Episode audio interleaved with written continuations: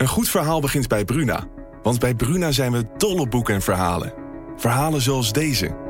Het nieuws reist je snel, zoals dat soort nieuws doet. Ik wist dat het ook over jou ging, zodra het eerste bericht uit Parijs kwam. Bijna zes jaar geleden nu. Op een vrijdag de dertiende. Een datum als een slechte grap. Jij was er ook, Flo. En op jouw profiel bleef het stil. Wil jij weten hoe dit afloopt? Je leest het in Luister van Sascha Bronwasser. Nu bij Bruna. Dit is, dit is het land van Wierde.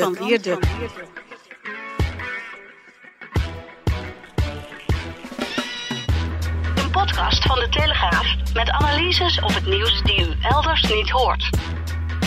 Als jij ongehoord Nederland gaat verwijten dat zij fake nieuws verspreiden, kijk dan even naar jezelf. Je hebt zozeer fake nieuws verspreid dat mensen er door de straat op gingen.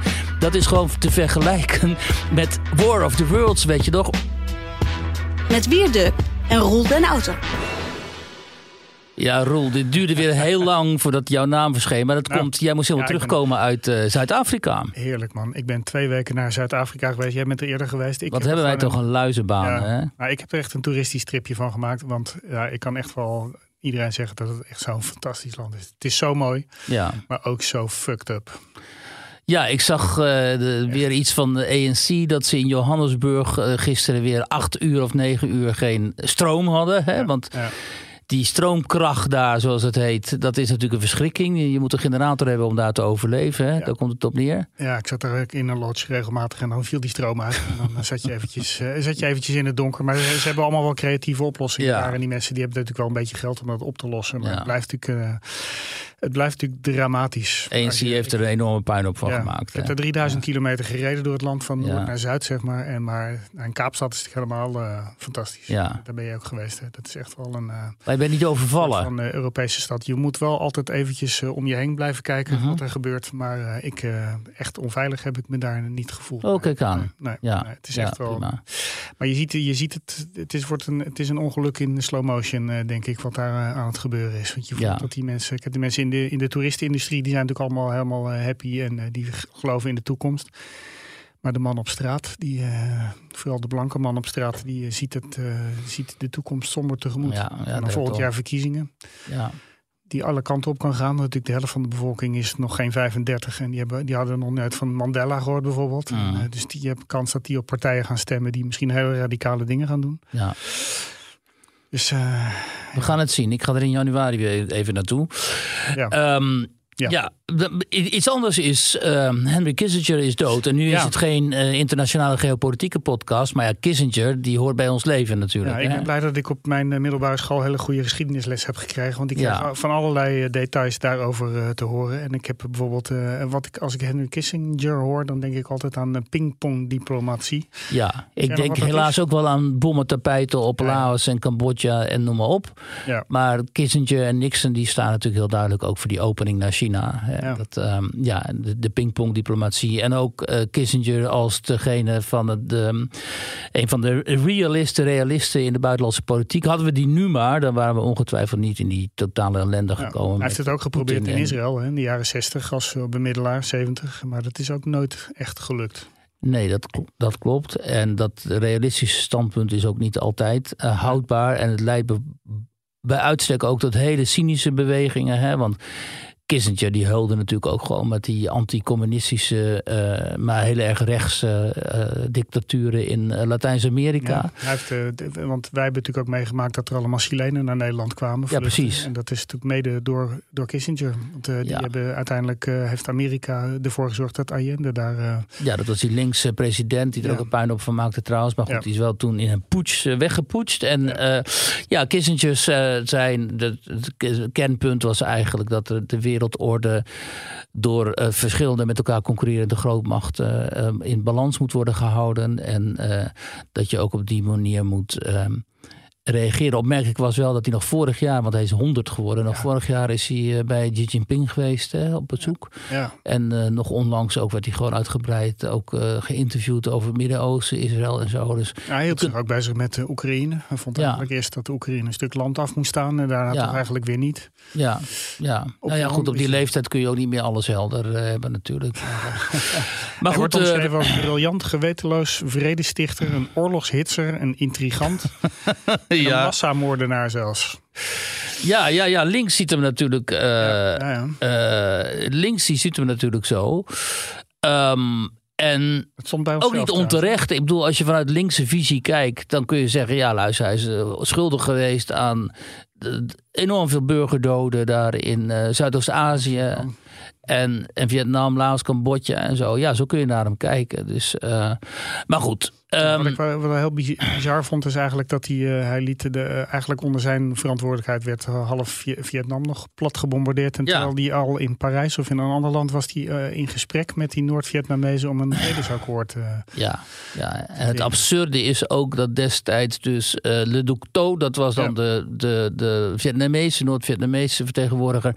En Kissinger, die kregen dan allebei de Nobelprijs voor de Vrede. En die Vietnamezen, die, die wezen hem natuurlijk af, want ja, die was kennelijk toch, toch wat realistischer over zijn eigen eh, aandeel. En ehm, het feit dat Kissinger destijds de Nobelprijs voor de Vrede kon krijgen, dat leidde natuurlijk tot, tot opschudding. Hè. Een paar mensen gingen ook uit het Nobelprijscomité terecht, denk ik. Want hoe kun je nou aan zo iemand de Nobelprijs geven? Maar ja, later kreeg Barack Obama, Obama die Nobelprijs ook alleen maar omdat hij zwart was en tot president was gekozen. Want hij had nog niks gedaan en toen kreeg hij die prijs al. Dus dat laat al zien hoe krankzinnig daar eh, wordt gedacht. Maar laten we naar tijd- Nederland tijd, gaan, eh, tijd- Roel. Tijd heelt alle wonden. Met, eh, dat geldt natuurlijk ook voor Vietnam. Want als je daar nu komt, is het natuurlijk een fantastisch land. En iedereen leeft daar weer in vrede. En, Ze hebben allemaal een iPhone. En ze hebben allemaal een eh, iPhone. Ja, ja, terwijl ik in Zuid-Afrika was, waren er hier eh, ondertussen even verkiezingen. Dat, eh, te- op de tafelberg stond ik. eh Ja, je vond het zeker wel erg jammer dat je niet in Nederland was. stonden wij eh. handen vast te houden om, eh, om, eh, om, het, eh, om de uitslag eh, te betreuren. Zie je mijn cyni- cynische gezichtje. ja. Maar in ieder geval, eh, een van de opmerkelijkste uitkomsten eigenlijk vond ik van deze verkiezingen was dat eh, eh, eh, moslims in Nederland eh, het eigenlijk wel eh, op, in grote getalen op eh, Geert Wilders gestemd zouden hebben van de PVV. Ja, nou kijk, eh, dat eh, ligt toch wel iets genuanceerder. Het kwam erop neer. ehm eh, Lale de schrijfster, die zat bij, van, de schrijfster met, van Turkse afkomst, die zat bij WNL op zondag bij Nieman. En die zei in haar omgeving hadden allemaal mensen PVV gekozen. En dat, dat leidde dan tot de gevolgtrekking van, oh, moslims stemmen ook PVV.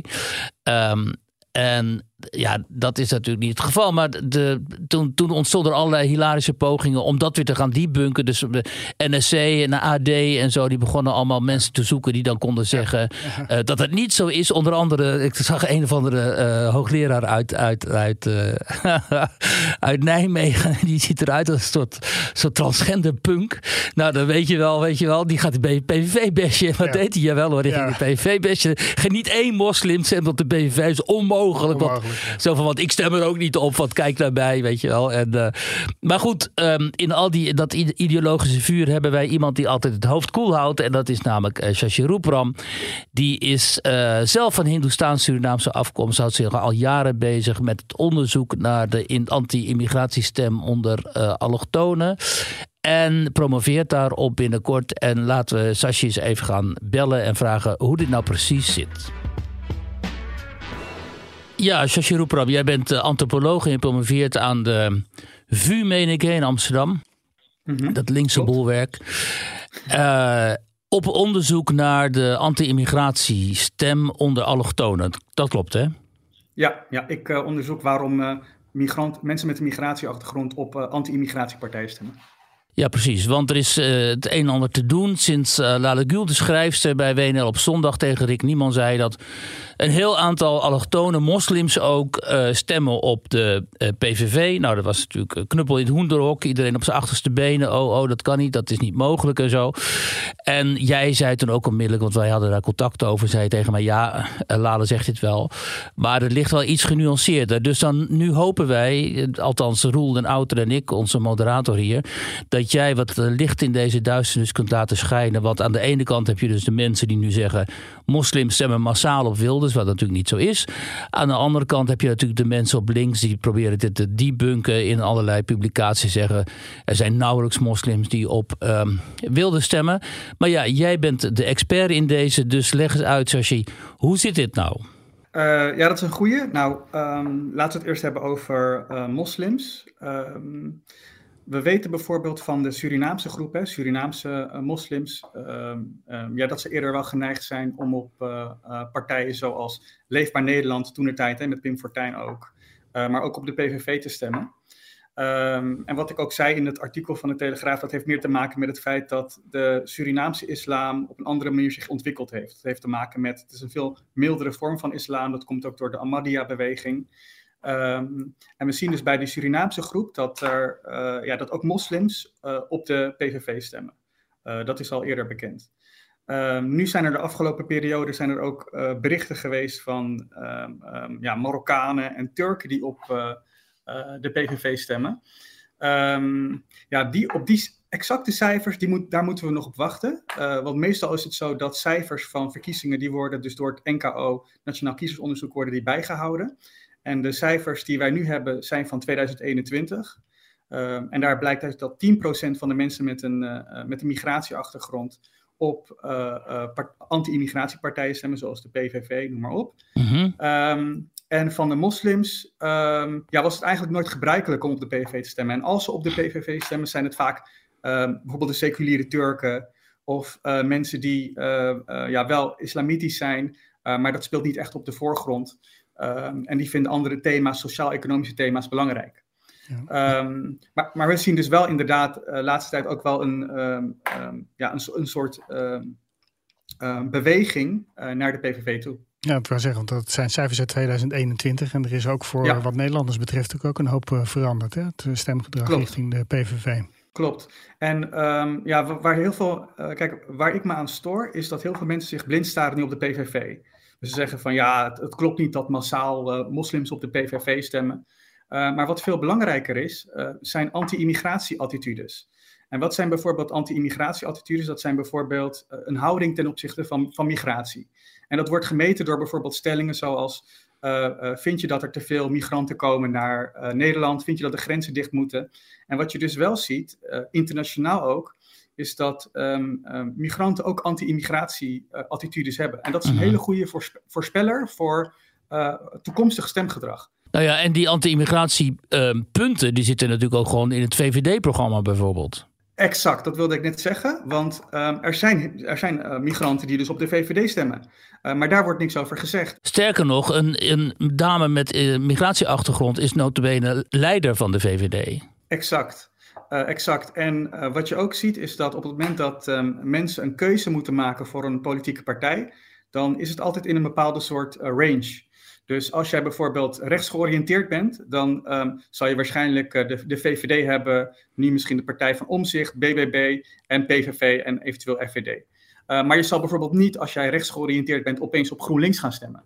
Uh, dus dus wat, wat, wat, wil, wat, ik daarmee wil zeggen is, um, de kiezers die nu over zijn gestapt naar de PVV, een deel komt ook vanuit de VVD. Uh-huh.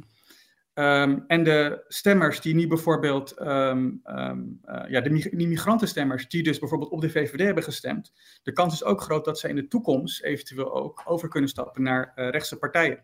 Dus het is veel belangrijker om te kijken van, naar die anti-immigratie-attitudes, die leven bij migranten. Uh, migranten zijn ook kritisch. Hè. Bijvoorbeeld in België is er in 2019 is er een studie gedaan naar anti-immigratie-attitudes onder Turken en Marokkanen. En daar blijkt ook dat een groot gedeelte van de uh, Turken en Marokkanen uh, ja, kritisch zijn op migratie. Die willen gewoon um, niet meer mensen erbij. Ja, precies. Um, en ik zal even de cijfers erbij pakken. Dat was, even kijken, 55% van de, um, van de Turken en Marokkanen vindt bijvoorbeeld dat Oost-Europeanen hun banen inpakken. Ja, verdringing, hè? klassieke verdringing verdringen op de arbeidsmarkt. 37% van de Turken en Marokkanen in België is bijvoorbeeld tegen familiereunificatie uh, en is voor strengere regels. Ja. willen minder Syriërs uh, in het land. Exact. Maar dat en geldt 53... dan ook voor hun eigen familie, toch? Die is er exact. al, ja, ja, precies. Dat is het verschil. ja, natuurlijk. Zo, en, en zo het, eenvoudig en het, is het. En het, En, meer, en 53% van de Turken en Marokkanen in België is bijvoorbeeld, die, die is van mening dat nieuwe migranten de reputatie van andere migranten verpesten. Ja, ook Dus dat, wat je- hè. dus- ja, dus wat je ziet is in, in omringende landen eh, is er onderzoek gedaan naar die anti-immigratieattitudes. En dan zien ze dus bijvoorbeeld in België dat eh, mensen met die migratieachtergrond daadwerkelijk wel eh, anti-immigratieattitudes hebben. En dat is dus een hele interessante discussie. Nou ja, zoals je wat natuurlijk interessant is in België is ook, hè, daar heb je dus de NVA die eh, zeg maar heeft ingebroken voor een deel bij het electoraat van Vlaams Belang. En daar is gewoon een prominent gezicht, Asti- Astita Kanko, nou dat is gewoon een eh, Afrikaanse uit Burkina Faso. Die Ja, ja. ook internationaal nu aan het doorbreken is voor een rechtse partij. Want de NVA is natuurlijk gewoon een rechtse partij. En columnisten bij de Telegraaf trouwens. hè. en columnisten bij de Telegraaf, hoe kan ik dat nou vergeten? Interessante columns. Ja.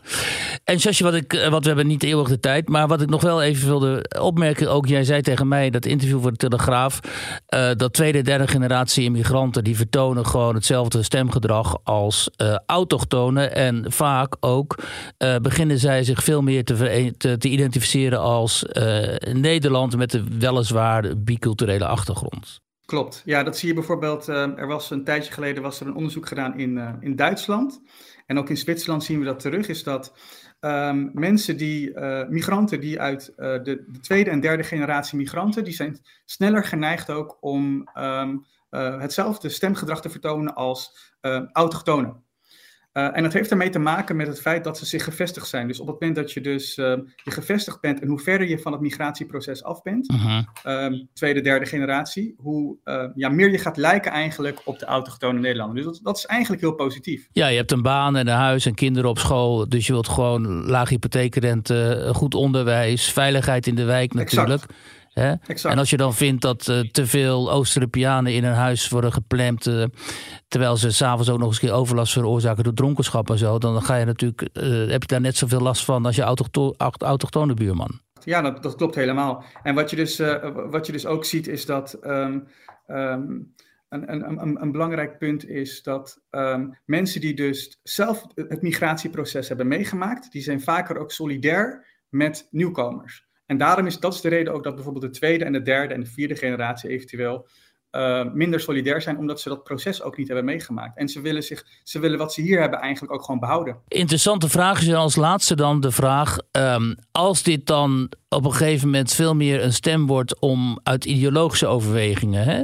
dat je dus krijgt dat inderdaad die middenklasse allochtonen dat die naar de VVD trekken of naar wat, behouden, hè, wat meer behoudende partijen. En dan ligt het ook voor de hand dat de ideologische eh, eh, groep ehm, met een migratieachtergrond, vooral moslims, voor een groot deel toch het denk zullen blijven bevolken. Want daar kunnen ze natuurlijk terecht voor het ideologische verhaal. Ja, ja, ja, kijk, wat je ziet is dat ja, de meeste eh, eh, me- mensen met een islamitische achtergrond, die zullen op denk stemmen. De, echt, de, de orthodoxe moslims, hè, salafisten, die zullen helemaal niet stemmen, want ze vinden dat haram. Mhm. Ehm, dus je, zit- je zit altijd wel, eh, ehm, ja, dus Denk is een hele populaire partij onder die groep. Maar ehm, mensen die dus ja, moderner zijn, gematigder zijn, ehm, die zullen waarschijnlijk, eh, daar zie je ook wel een trek bijvoorbeeld naar andere partijen zoals de VVD of... eh, En Forum voor wel- Democratie natuurlijk. Ja, ja, klopt. Nou, begrijp ik nou Ja. dat 50% van de islamieten helemaal niet stemt omdat ze het haram vinden? Nou, niet 50% maar een groot gedeelte van de, van, de, van de moslims die bijvoorbeeld echt salafistisch zijn, dus echt gelovige moslims, die, eh, die stemmen niet. Ja, Maar- maar dan heb je het over de mannen met de lange baarden en de Exact. zeer, zeer eh, dik inge, inge, hoe heet het, in, eh, inge, nou ja, Ja, klopt, de, de dames klopt. met de, de lange sluiers, zeg maar, en de lange Exact, gewaden. Ja. Maar die En- halen dus en- ergens uit de Koran waarin staat, zou staan dat ze zich niet mogen mengen in, de, in onze samenleving. Ja, die, die hebben een hele strikte interpretatie van de Koran. Maar dat zal waarschijnlijk niet zo'n grote groep Niet? zijn, maar Oké. die, die, die groep heb je ook. ja, maar die zal inderdaad vrij klein zijn. hè. Oké, Shashin, nou dan heb je even in ieder geval een eh, hele belangrijke nuance geplaatst bij al die verhalen die nu verschijnen. En ook wel een beetje bij het eh, verhaal van Lale Gül natuurlijk. Ehm, dus heel veel dank hiervoor. En we zi- zien uit naar die cijfers uit het ehm, eh, Nationaal Kiesonderzoek natuurlijk. Want dat Ja. moet uiteindelijk uitsluitsel gaan geven. Hè? Er wordt dus gewoon geregistreerd, door de etniciteit wordt ook geregistreerd. Dat vind ik best opmerkelijk, want eh, vaak wordt dat niet gezegd. Dat is sinds 2021 doen ze dat, eh, Oh. houden ze dat wel dus bij. En eh, deze verkiezingen waarschijnlijk ook. Dus dat komt waarschijnlijk in het voorjaar komt, dat, uh, kom, komt die data weer beschikbaar. En dan kunnen we uh, daar artikelen over gaan schrijven. Nou, dan praten we nog een keer met jou. Heel veel dank voor. Uh, Shashi Roepram was dit. Dank je. Dank je wel. Nou, uh, Roel, dat lijkt me duidelijk. Ja. Um, hier hoeven we verder geen woorden meer aan vuil nou, te ja, maken. In, in, in, in zoverre nog dat uh, bij uh, Galit en Sofie hebben ze ook ontzettend veel pogingen gedaan om dit allemaal te debunken. Oh ja, dat willen we ons niet onthouden, ja. Huiltruien, dat vind ik zo'n heerlijk woord. Dat wil ik wel zo vaak gebruiken. Een, een, een, een, huilstruik, of huiltrui? Ja, ja allebei eigenlijk. Huilstruik. Huilstruiken die daar om die tafel zaten om uh, allemaal te roepen dat het echt niet zo kon zijn dat de moslims op, uh, op de PVV stemmen. Hebben we daar een fragmentje van ook? Ja, daar hebben we vast iets van. Dan gaan we even het laten horen. Maar ik had de volgende dag in het OV dat ik enorm erg werd aangestaard. En dat ik me dan af ging vragen van ligt dat aan mij? Maar vervolgens ging dat peilen bij andere moslima's. En die zeiden precies hetzelfde mm -hmm. van was het voor jou ook zo raar in het OV? Maar echt donderdagochtend? van die rare blikken? Donderdagmiddag gewoon als je dan de deur uitging merkte je dit? Precies, na de, na na, de, na de uitslag dan. Ja, en wat het leuke nu is bij Galit en Sofie, die hebben dus aan de vooravond na deze verkiezingen, dus een, dat, dat zijn dus um, uh, openlijk, want ik heb ook een paar keer gekeken, terwijl meestal kijk ik niet, want dan, dan is mijn stemming weer helemaal uh, naar de galamiezen. Maar nu heb ik bewust een paar keer gekeken en uh, dat is dus geen talkshow meer. Dat is dus een tafel van gelijkgezinde, heel erg linkse mensen die heel erg zogenaamd bekommeren, zich bekommeren om moslims. En dan niet de gewone moslim, zeg maar, hè, Ahmed of Fatima, die niet per se een enorme baard heeft of een enorme hoofddoek draagt, want dat is de doorsnee moslim. Deze zijn heel erg bezorgd met de ultra-orthodoxe moslims. Ja. Dus het zijn gasten met zo'n dingetje op hun hoofd en een enorme baard. Ja. En, en heel erg gesluierde, vaak ook bekeerlingen. Um, dus te vergelijken met wanneer het, als je het over de Joden hebt, dat je dan stel van die ultra-orthodoxe Joden aan tafel haalt, die natuurlijk helemaal niet representatief zijn voor ja. wat de Joden zijn. Ook niet de religieuze Joden. Maar omdat ze daar helemaal niks van weten. En omdat ze denken wij zijn links en we hebben het heel erg met de moslims van doen. Eh, want die zijn zielig. Want Geert Wilders die gaat die verkiezingen winnen. En helemaal nadat Wilders die verkiezing had gewonnen. Gingen ze daar uh, uithuilsessies aan die tafel uh, organiseren. En dan zie je dus van die inderdaad van die totaal zwaar gesluierde dames. Die lopen te zeuren over dat zij eentje zei van de dag na de verkiezingen werd ik heel erg aangestaard in het OV. Nou ja, in het OV kijkt A, iedereen op zijn telefoon. Ja. Dus je wordt niet aangestaard. En als je in de Randstad woont en je hebt een sluier om, als moslima... dan ben je dus niet een uitzondering. Je bent gewoon de norm. Dus niemand gaat je aankijken in het OV als jij een hoofddoek draagt. Want iedereen in die tram of in die bus waar jij ziet... in ieder geval 80% van de vrouwen of zo in Rotterdam en in Den Haag en zo... Ja. in bepaalde wijken, draagt gewoon diezelfde hoofddoek. Dus hoezo zouden die naar jou gaan staren? Nou en ze voelden zich heel erg onveilig opeens. Nou ja, er waren ook schitterende tweets van. En het was ook telkens dezelfde tweet van moslims die dan zeiden de dag na de verkiezingen. Mijn zoontje van 11 of mijn dochter van 12 is net van school thuisgekomen. Huilend.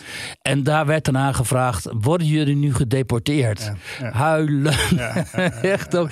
En ook niemand die dan aan die tafel even zegt: jongens, doe normaal. Ten eerste is Wilders niet van plan jullie te deporteren. Ten tweede ook al zou hij dat willen in een coalitieregering, is dat volstrekt onmogelijk. Bovendien. Het is ongrondwettelijk. En nou kan Wilders wel een aantal ongrondwettelijke standpunten in zijn, uh, in zijn programma hebben. Maar niet dat hij gewoon moslims, ingezetenen van dit land, de Nederlandse staatburgers met een Nederlands paspoort, uh, massaal zou gaan deporteren. Of je zou de wet moeten veranderen, maar daar heb je twee derde meerderheid voor. En dan moet je er nog, nog een keer verkiezingen overheen laten gaan. Zoiets zou je, als je dat zou willen. Maar dat zou in de kan helemaal niet. Er is helemaal geen meerderheid voor. Ja. Maar het gaat allemaal zo subtiel. Hè? Want ik zag dus ook bij, uh, bij op één toen Thijs van der Brink en Margje Fixer daar presenteerden. Er was ook zo'n totaal van de wereld uh, weggevlogen, weggedroomde dame die dan was gaan demonstreren ook vanwege de verkiezingsuitslag. Zo'n meisje dat dan ook zo'n bepaalde intonatie heeft, zoals die Amerikanen dat ook, die woke Amerikanen dat ook ja. hebben, weet je wel. You like and like. Ja. En dan aan het eind van de zin gaat het helemaal omhoog.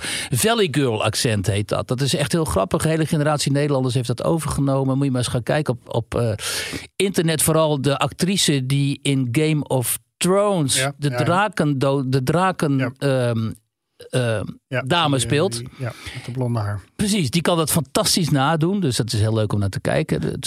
Ik zoek wel even een fragmentje en dan gooien we dat er ook in. Well, it was it was late, so my my American accent for the, the you heard on Terminator kind of changed a little bit into um, Callie from the Valley. It's like this. She's like this whole like situation. that was amazing. Wow, that's actually very good. Thank you. Yeah, we had like a really. En ehm, die vertelde dat ze was gaan demonstreren. En, eh, want eh, op haar werk werd er allemaal gehuild en zo. En eh, iedereen was aan het huilen vanwege Wilders. En dat we moesten iets doen. En toen vroeg Thijs aan haar van... Ja, waarom dan eigenlijk? Want zien jullie hem dan... Hè, jullie demonstreren tegen het fascisme. Zie je dan Wilders als een fascist? En zij zegt, ja, dat is een fascist. Hè? En dan zegt Thijs ook niet even van... joh, doe even normaal, man. Leg eens Hè? uit. Leg eens uit dan. Hoe is hij dan een fascist? Nee, dat, dat, dat Nee, dat wordt allemaal. Dat wordt gewoon allemaal aangenomen. Maar dat, Ja. ja. van Thijs van der Brink valt dat eigenlijk wel tegen. Ja, dan moet Wilders weer. En wat Wilders al gaan doen. Hè, Want die denkt: ja, hallo, ik ben nu in een positie dat ik moet, een coalitie moet gaan vormen. Ik kan me niet de hele tijd de reputatie, nog meer reputatieschade op de hals, laat, op de hals halen. Dus die gaat dan reageren in een tweet. Die gaat Thijs aanvallen in een tweet. En dan zegt die hele meute weer van... Ja, zie je wel, die Wilders is totaal niet fatsoenlijk. Die heeft totaal niet fatsoen van een premier. Want die gaat journalisten aanvallen. Ja, Hè? Was zo, denk ik wel niet zo handig van Wilders om een dag eh, later naar Kijkduin te gaan. Hè? Eerder deze week eh, naar dat. eh, Ja, dat snap ik dus ook helemaal niet, dat bezwaar. Dat hoorde ik van alle kanten Ja, langskomen. Dan denk je, hij is toch... Volksmatig denk ik van dat is nu even niet handig. Je moet nu even de boel proberen bij elkaar te houden, om het vreselijke maar eens even te zeggen. Nee, maar dat moet hij toch juist niet. Hij is gekozen op het feit dat hij dat nou juist niet doet. Ja. Hij is gekozen op het feit dat hij harde maatregelen wil in allerlei dossiers. En een van die dossiers is immigratie. En er komen veel te veel mensen naar Nederland die geen schijn van kans hebben op een verblijfsvergunning. Het- En daar maken die mensen zich zorgen over. En daarom stemmen ze op Wilders. Dus laat hij zijn hoofd zien bij zijn kiezers daar in Kijkduin. Hij heeft ook gezegd: ik ga water bij de wijn doen, want ik wil per se re- eh, regeren. Ja, maar dat is niet op dit soort punten. Nee. Nee. Hij gaat water bij de wijn doen over een verspreidingsbod van de Koran en zo. En het sluiten van moskeeën die geen haatpaleizen zijn. En dat is terecht. Van mensen, waarschijnlijk. Het deporteren van mensen, eh, hè, dat, dat soort onzin. Daar, gaat, daar moet hij water bij de wijn doen. Want dat zijn allemaal totaal onuitvoerbare programmapunten. Als het allemaal zover gaat komen. Maar daar hebben we het straks later nog wel over. Want we gaan het ook nog over Pieter Omtzigt hebben. Maar wat ik in ieder geval nog eh, wou zeggen. Dat tijd dat uh, Jinek de boel over gaat nemen. Bij Galit en Sofie zou ik zeggen. Of denk jij dat uh, Ongehoord Nederland dat programma gaat overnemen? Denk je dat ze dat tijdslot gaan krijgen? Nee. De NPO. nee, dat is natuurlijk onmogelijk. Wat moet, wat moet dat een pijn gedaan hebben bij al die huisstruiken? Toen Ongehoord Nederland niet werd... Dat, eh, de staatssecretaris, besloten heeft om uh, Ongehoord Nederland toch niet van de buis te halen. We hadden een opinie vandaag uh, in, de, in, de, in de Telegraaf van Bouke Geersma. De Geersing. Oud, Geersing, sorry, oud-directeur van de NOS. En die zei dat het eigenlijk schandalig is hoe ze geprobeerd hebben dat Ongehoord Nederland te kiel halen. Ja, nou ja, dat is natuurlijk ook zo. Kijk, er valt veel van alles op aan te merken. Journalistiek ja. ook en zo. Maar als je kijkt hoe vooringenomen die programma's zoals het Garite Sofie zijn... en een heel aantal andere programma's bij de publieke omroep... dan kun je niet beweren dat Ongehoord Nederland nou zoveel vooringenomen is. Alleen daar werden allerlei standpunten ingenomen... die voor de goede gemeente, zeg maar, volstrekt ondenkbaar zijn. Namelijk dat er misschien wel iets aan de hand is met die vaccinaties... of misschien dat die oversterfte wel iets met vaccinaties tegen COVID te maken zouden kunnen hebben...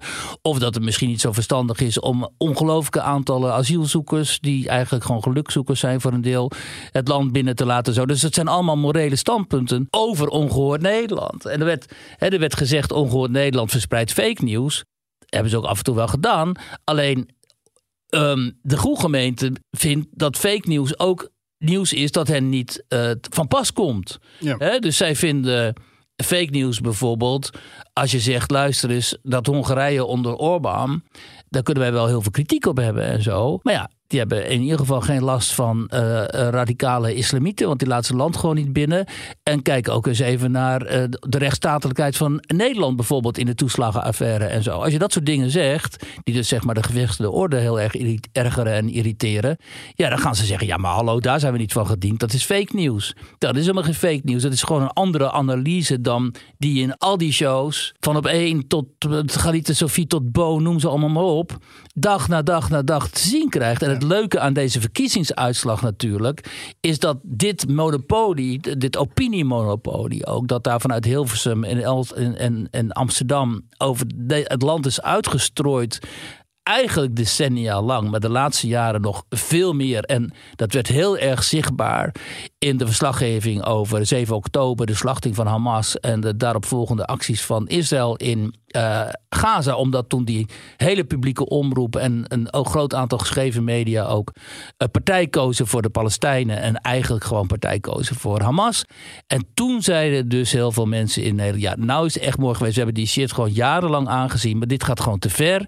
Want jullie zijn aan het opruien ook. Hè, toen over dat ziekenhuis daar in Gaza, dat publieke omroep en NSC en zo andere kranten onmiddellijk overnamen dat dat een actie, een bom van Israël zou zijn geweest, wat gewoon niet bleek te kloppen. En daardoor gingen dus wel allemaal mensen ook de straat op. Hè. Die werden dus gewoon opgeruid uh, door het fake nieuws wat afkomstig was, onder andere van de publieke omroep. Dus als jij ongehoord Nederland gaat verwijten dat zij fake nieuws verspreiden, kijk dan even naar jezelf. Je hebt zozeer fake nieuws verspreid dat mensen er door de straat op gingen.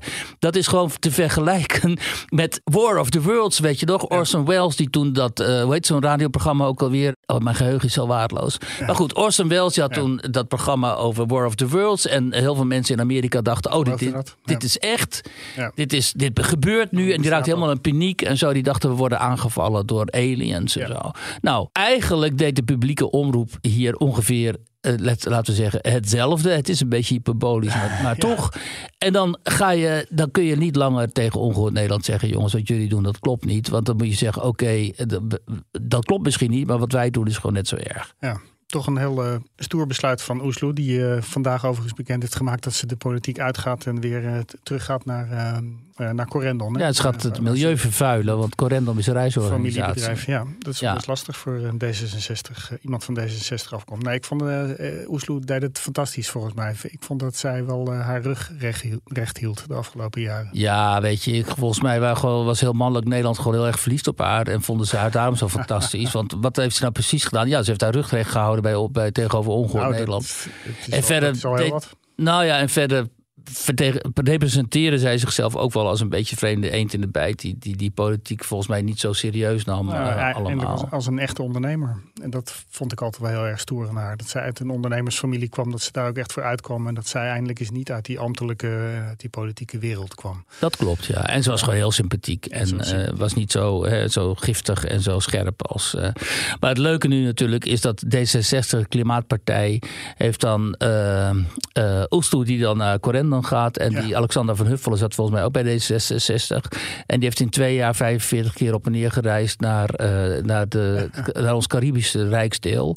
Om daar te dansen volgens mij. Want die filmpjes die je daar zag, was altijd helemaal uitgebreid in die outfits van haar daar aan het dansen met al die mannen daar.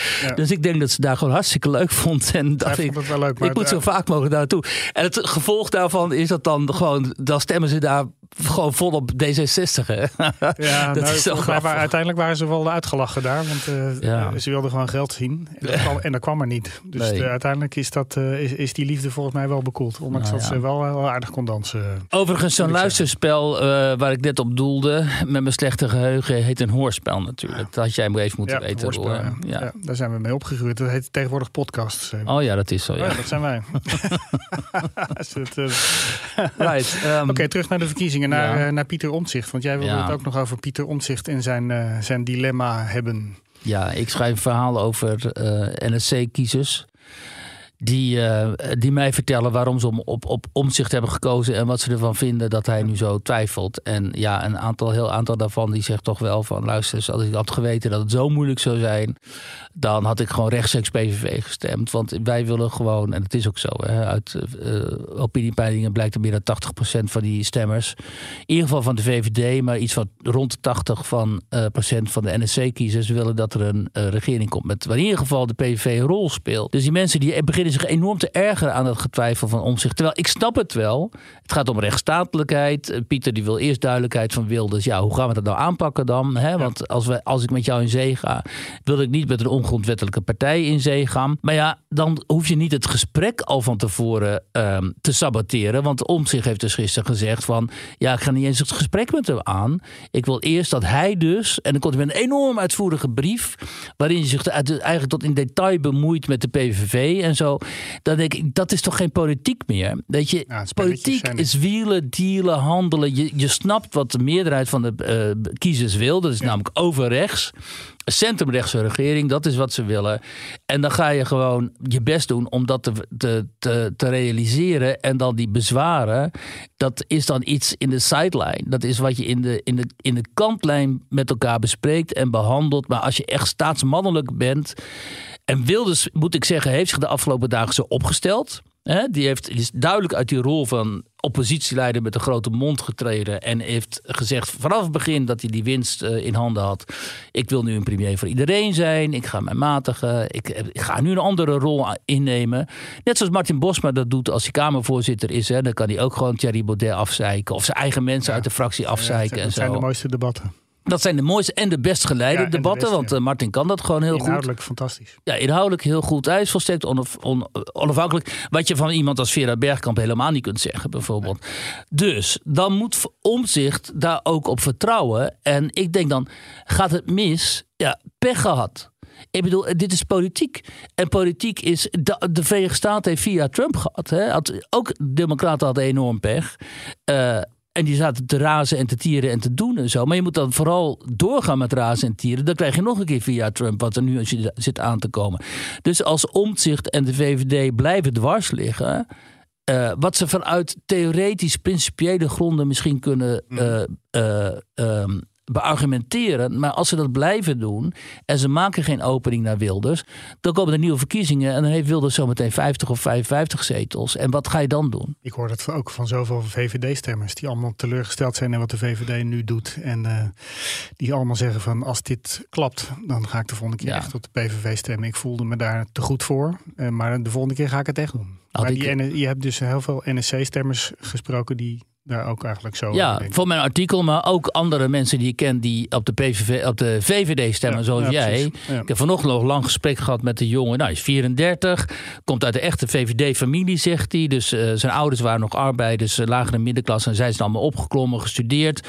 Hebben nu keurige banen en zo. Hij is dan uh, registeraccountant. Nou, prima baan en zo. heeft toch een keer VVD gestemd, want hij zegt ook, ik ben loyaal en trouw aan die partij. Maar als ze dit, als ze dit vernachelen, dan stem ik PVV. Dan ga echt nooit meer op uh, de VVD stemmen. Dus de VVD, en het is ook wel gebleken natuurlijk bij die ledenraad, of wat was dat, dat die verzameling eh, gisteren waar ja. Dylan moest spreken. Ja, die loopt een enorm risico om verscheurd te raken. En die moeten echt oppassen dat er niet hetzelfde lot is, dat ze niet dezelfde weg opgaan als de CDA bijvoorbeeld en ook natuurlijk de Partij van de Arbeid omdat als je, als je je blijft vervreemden van je achterban. En dat hebben die andere volkspartijen gedaan. Hè, door de PvdA, door de arbeider uit het oog verliezen, te verliezen. En het CDA door de behoudende christen, christenen uit het oog te verliezen. Ja, dan raak je die mensen kwijt. En dan is er niet. Uh, kijk, bij de PvdA kun je altijd nog denken. Ja, al die allochtonen die gaan wel op ons stemmen. Maar bij de VVD is er niet echt een alternatief electoraat, lijkt mij. Want die zitten dan gewoon bij, bij Wilders of desnoods bij Omtzigt. Dus dan, uh, dan ben je mooi de klos als uh, liberale ja, ja, een groepje strategische stemmers over uiteindelijk, denk ik, bij de VVD. Mensen die denken van als ik maar VVD stem, dan. Uh, ja, heb ik nog zeg maar ondernemend Nederland ja. met de grote ondernemingen die denken het zal mij allemaal een zorg zijn. En wat er verder met Nederland gebeurt als, mijn, eh, mijn, als ik maar weinig belasting hoef te betalen en als mijn bedrijf maar blijft functioneren. Maar ja, dat, dat is niet meer de ruggengraat van Nederland natuurlijk. Dus, uh, maar dat verhaal komt nog in de krant.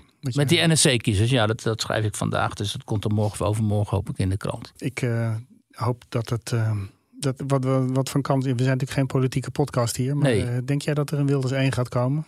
Ja, dat moet wel. Dat, ik bedoel, als je een mandaat hebt van 37 zetels... en de nummer 2 heeft er 25 of zo... dan, dan in mijn ogen heb je dan verdiend om een kabinet te formeren. Maar ja, goed, ja, maar ik zat met... iedereen. Nou, ik zat inderdaad in het oog op morgen. Dus een keer. En uh, daar zat ook Ed Nijpels. En die begon ja. onmiddellijk van... nou, dat is helemaal niet... Uh, de 1 plus 1 is 2 dat Wilders uh, moet gaan formeren. Want het is helemaal niet gezegd... dat degene die de grootste partij is... ook de premier moet leveren en zo. Ja, en dan zeg ik tegen hem... nou, vind ik hartstikke ondemocratisch. Nou, dan heb je pop aan het dansen natuurlijk. Ja. Maar ja, dat zijn dus gewoon al die mensen uit die... die, uit die uit dat kartel, zoals Baudet noemt, de gevestigde orde, die zo gewend zijn dat zij de dienst uitmaken ja, in dit land. Ed Nijpels van die democratische klimaatkamers, die, ja, die, die Ed Nijpels. Ja, van die klimaattafels waar dus gewoon alleen maar lobbyisten aan tafel zaten. Ja. Ja. Ja, dus dat, dit zijn mensen die zijn gewend om te denken: wij, de macht komt ons toe. Wij Eh, het? Ja, eigenlijk is dat heel erg PvdA-achtig, hè? Nee, dat Dat is vooral heel erg, vroeger. eh, eh, Wat er heel erg CDA. Als wij zijn de eeuwige bestuurspartij. En ook inderdaad Partij van de Arbeid. En dan vooral in de provincies en in de, in de, in de gemeentes en zo. En in de instituties. Dus die Partij van de Arbeid die zit heel diep in die eh, culturele instituties. In het onderwijs en zo. Maar echt de macht, weet je wel. Dat, ehm, eh, dat is gewoon inderdaad een verzameling van mensen uit dat, uit dat partijkartel. En die van elkaar kunnen verdra- verdragen dat af en toe de macht verschuift naar de een of naar de ander. Maar als er iemand inbreekt, zoals eerder Baudet. En zoals ooit Fortuyn, die dat met zijn leven moest bekopen. En zoals de Boerenpartij van Caroline van der Plas, de BBB, want ik mag niet Boerenpartij zeggen. Dus de BBB van Caroline van der Plas. Die ook enorm natuurlijk moest worden beschadigd en belachelijk worden gemaakt en zo. Maar ja, die is zo ontstellend nuchter. En zichzelf, die kun je op den duur niet meer beschadigen. Want die, dat, dat, dat, dat, dat, hè, dat glijdt gewoon bij haar af. En nu ehm, de oudgediende eh Wilders die te groot wordt. En dan, gaan alle, dan trekken ze weer alles uit de kast. Tot en met ehm, de aannames dat democratie niet voor iedereen is. Maar Jan Koopmans bijvoorbeeld, die virologe, die schreef gewoon ijskoud van eh, iets in de trant van ja, je moet niet iedereen stemrecht geven en zo. Ja, dat ja. krijg je als iedereen maar mag Al, eh, stemmen. hoor- heb ik de laatste week ook weer heel veel horen opkomen. Van waarom zou je eigenlijk al die mensen stemrecht geven? Ja, dat is toch dat is volstrekt ongelooflijk natuurlijk. En eh, dan moet je vooral blijven zeggen. Dan wordt die PVV krijgt zometeen absolute, Ja, eh, ja, absolute meerderheid. Ze je het, eh, ze het, eh, het stemrecht ontneemt. Maar ik begrijp dus ook... Nou, dat is met het referendum natuurlijk gebeurd. Ja, Toen de ja. uitkomst van het referendum niet beviel, hebben we gewoon het referendum afgeschaft. Ja, nee, maar ik Ja. hoorde laatst, eh, ik weet niet welk programma dat was, dat er meer hoogopgeleiden op eh, PVV gestemd hebben dan op D66. Ja, dat zei Boekenstein, maar ik heb eens gekeken, dat klopt Ah, ja. niet. Dat Nee? zei Boekenstein bij Vandaag in Site. Maar als je dan die statistieken, statistieken bekijkt, dan is, dan is dat gewoon niet zo. Dus waar hij dat nou weer vandaan haalde. Maar goed, die zegt wel vaker wat natuurlijk, eh, wat niet helemaal Ja. overeenkomt met de feiten. Ja, ondertussen, terwijl wij hier op eh, microniveau aan het eh, pielen zijn over een regeringje, woedt er natuurlijk een vreselijke oorlog in, in Israël en vecht in Israël voor hun bestaan, voor het bestaan. En eh, er zijn gelukkig mensen in Nederland die geld inzamelen af en toe voor.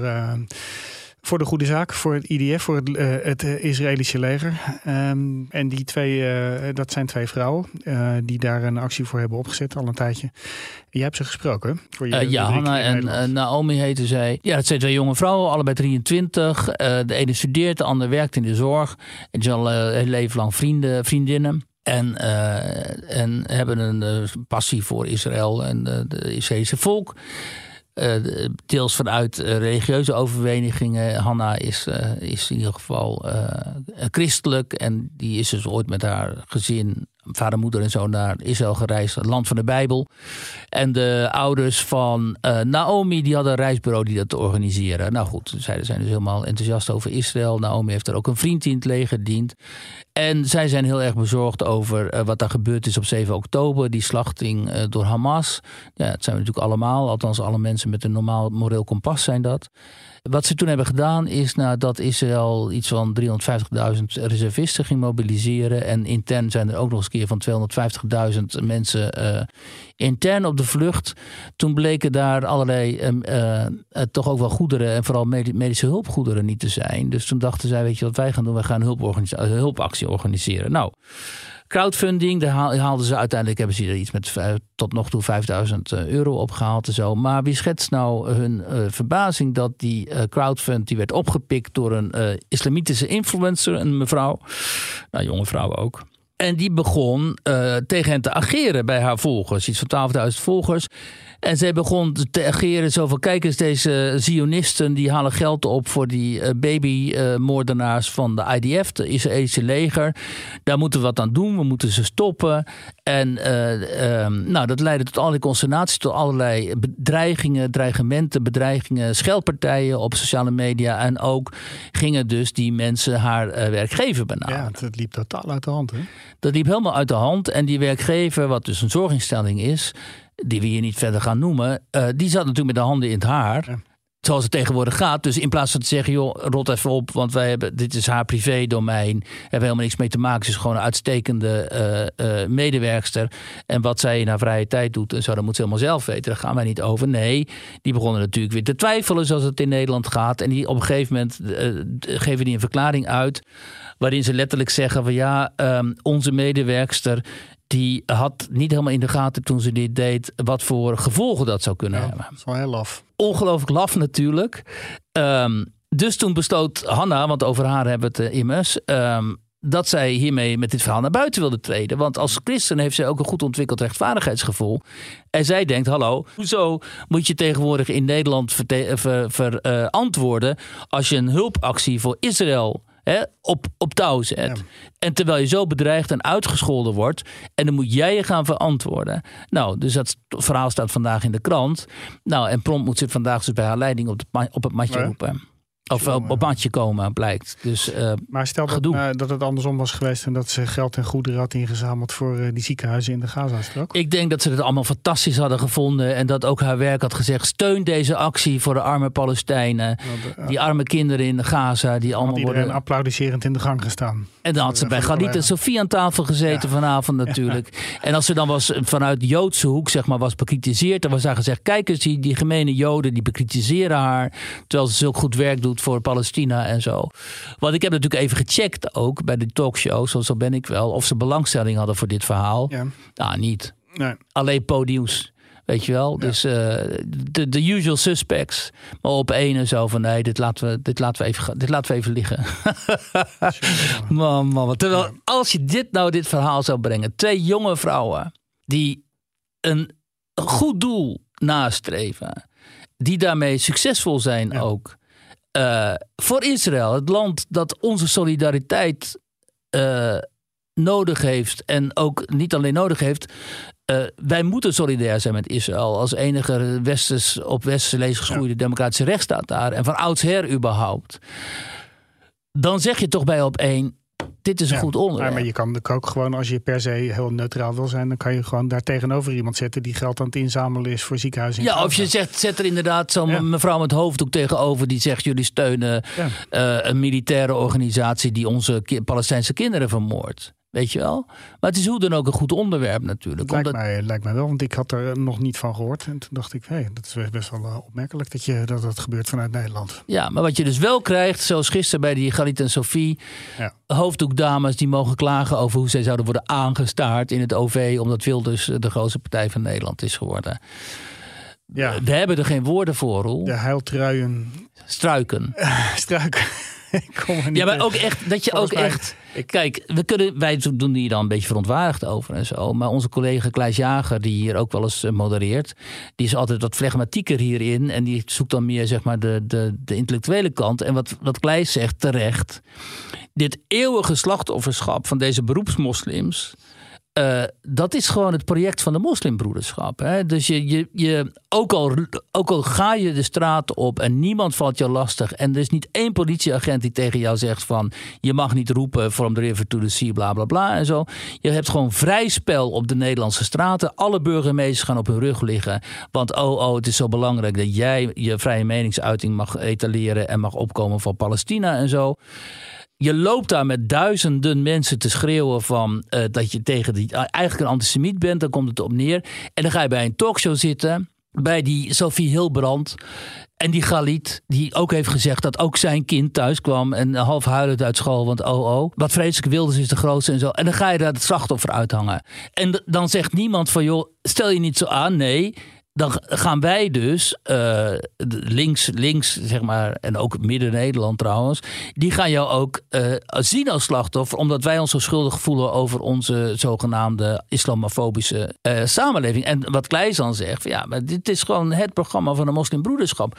Altijd in de slachtofferrol, altijd duwen, duwen, duwen, duwen, duwen, totdat je uh, zozeer de instituties hebt ge geïslamiseerd, dat je eigenlijk uh, jouw jou, zeg maar, gedachtegoed en jouw opinies de meerderheidsopinies uh, zijn geworden. En dat is wat ze doen met die hoofddoek bij de politie, hoofddoek bij de BOA's, weet je wel. Ze blijven maar duwen, duwen, duwen. En nu ook Weliswaar is Ja. Israël door Hamas aangevallen, maar de moslims zijn uiteindelijk de Ik heb dat er nu toch een soort van tegenbeweging. Er wordt Nou ja. eindelijk voor het eerst via het stemhokje wordt er teruggeduwd. Hè? Ja, die, die hele verkiezingsuitslag van Wilders is natuurlijk een protest hiertegen. En, hè, want dit, dit, dit manifesteerde zich natuurlijk aanvankelijk vooral in die hele discussie rond Zwarte Piet. Ja. En het leuke is dat je nu dus ook weer na die verkiezingsoverwinning, zie je Zwarte Piet gewoon weer terugkeren. Hè? Dus er zijn allerlei privé-initiatieven en zo van mensen die hebben hun eigen eh, intocht georganiseerd. En dan zijn al die Pieten weer zwart. Kijk, ik vind het op zichzelf niet zo'n goed idee, want ik vind je hoeft niet te provoceren. Er zijn echt kinderen en zo die er last van hebben. Maar ik snap het wel waar het vandaan komt. Namelijk, dit wordt gedaan door mensen die zeggen: ja, luister eens, wij willen niet dat een radicale minderheid, die ons ge- gewoon bijna al een paar decennia eigenlijk eh, eh, de, de voorschrijft wat wij moeten vinden en moeten denken en hoe wij moeten leven, daar willen wij niet langer naar luisteren. Dus wij doen gewoon nu wat wij zelf eh, willen. En dat is onder meer dit. En ja, als je zo'n radicale politiek voert zoals de afgelopen jaren is gebeurd. En als je zo'n radicaal zo'n radicale publieke omroep hebt. En dan zulke radicale media die anderen de hele tijd maar de, de, de, hun wil opleggen, zeg maar. Dan kun je deze reactie eh, verwachten. En dat is eh, wat hier gebeurd is. Nou, weten we toch nog in ieder geval eh, wat Kleister er ook van, eh, van vond. Ja. Volgende week eh, is hij er overigens weer niet, want eh, dan, Oh. eh, hij zit bij de klimaattop. Daar eh, vliegt hij volgende week heen. En ik dacht, we kunnen hem misschien in Dubai is dat, in Dubai, ja. Of Abu Dhabi. Wij ja, Abu ja. Dhabi. Ja. Maar ik geloof dat hij net als wij gaan opnemen daar eh, land. Dus Oh. ik weet niet of we, maar we zouden iets kunnen opnemen met hem. Dan hebben we toch in ieder geval zijn intellectuele diepgang. Wiert. Ik bedoel meer dat hij dat soort draadjes op Twitter zet zo dan. Hè? Dat is wel grappig altijd. ik, eh, ik verklaar hierbij het hoorspel tot beëindigd. Ja, bedankt voor het hoorspel. Maar we sluiten af met Duncan van Wijk, rapper. Die zich uitlaat over eh, de huidige situatie in eh, de politiek in Nederland. En het is heel interessant om te constateren, dat zie je wel vaker. Dat zeg maar de tegencultuur tegenwoordig, dat die is niet links. Hè, want dat is, links is de dominante cultuur geworden. Maar de tegencultuur zit tegenwoordig op rechts. En deze rapper is daar eh, een van de vertegenwoordigers van. Dus we gaan even luisteren en dan tot de volgende week. Het is een democratie en niet alleen als je verliest. Fuck je linkse tranen, het is Nederland wat kiest. Ze zoeken acceptatie, het is allemaal frustratie. Ze willen graag verandering, maar eigenlijk toch niet. Het is een democratie en niet alleen als je verliest. Fuck je linkse tranen, het is Nederland wat kiest. Ze zoeken acceptatie, het is allemaal frustratie. Ze willen graag verandering, maar eigenlijk toch niet.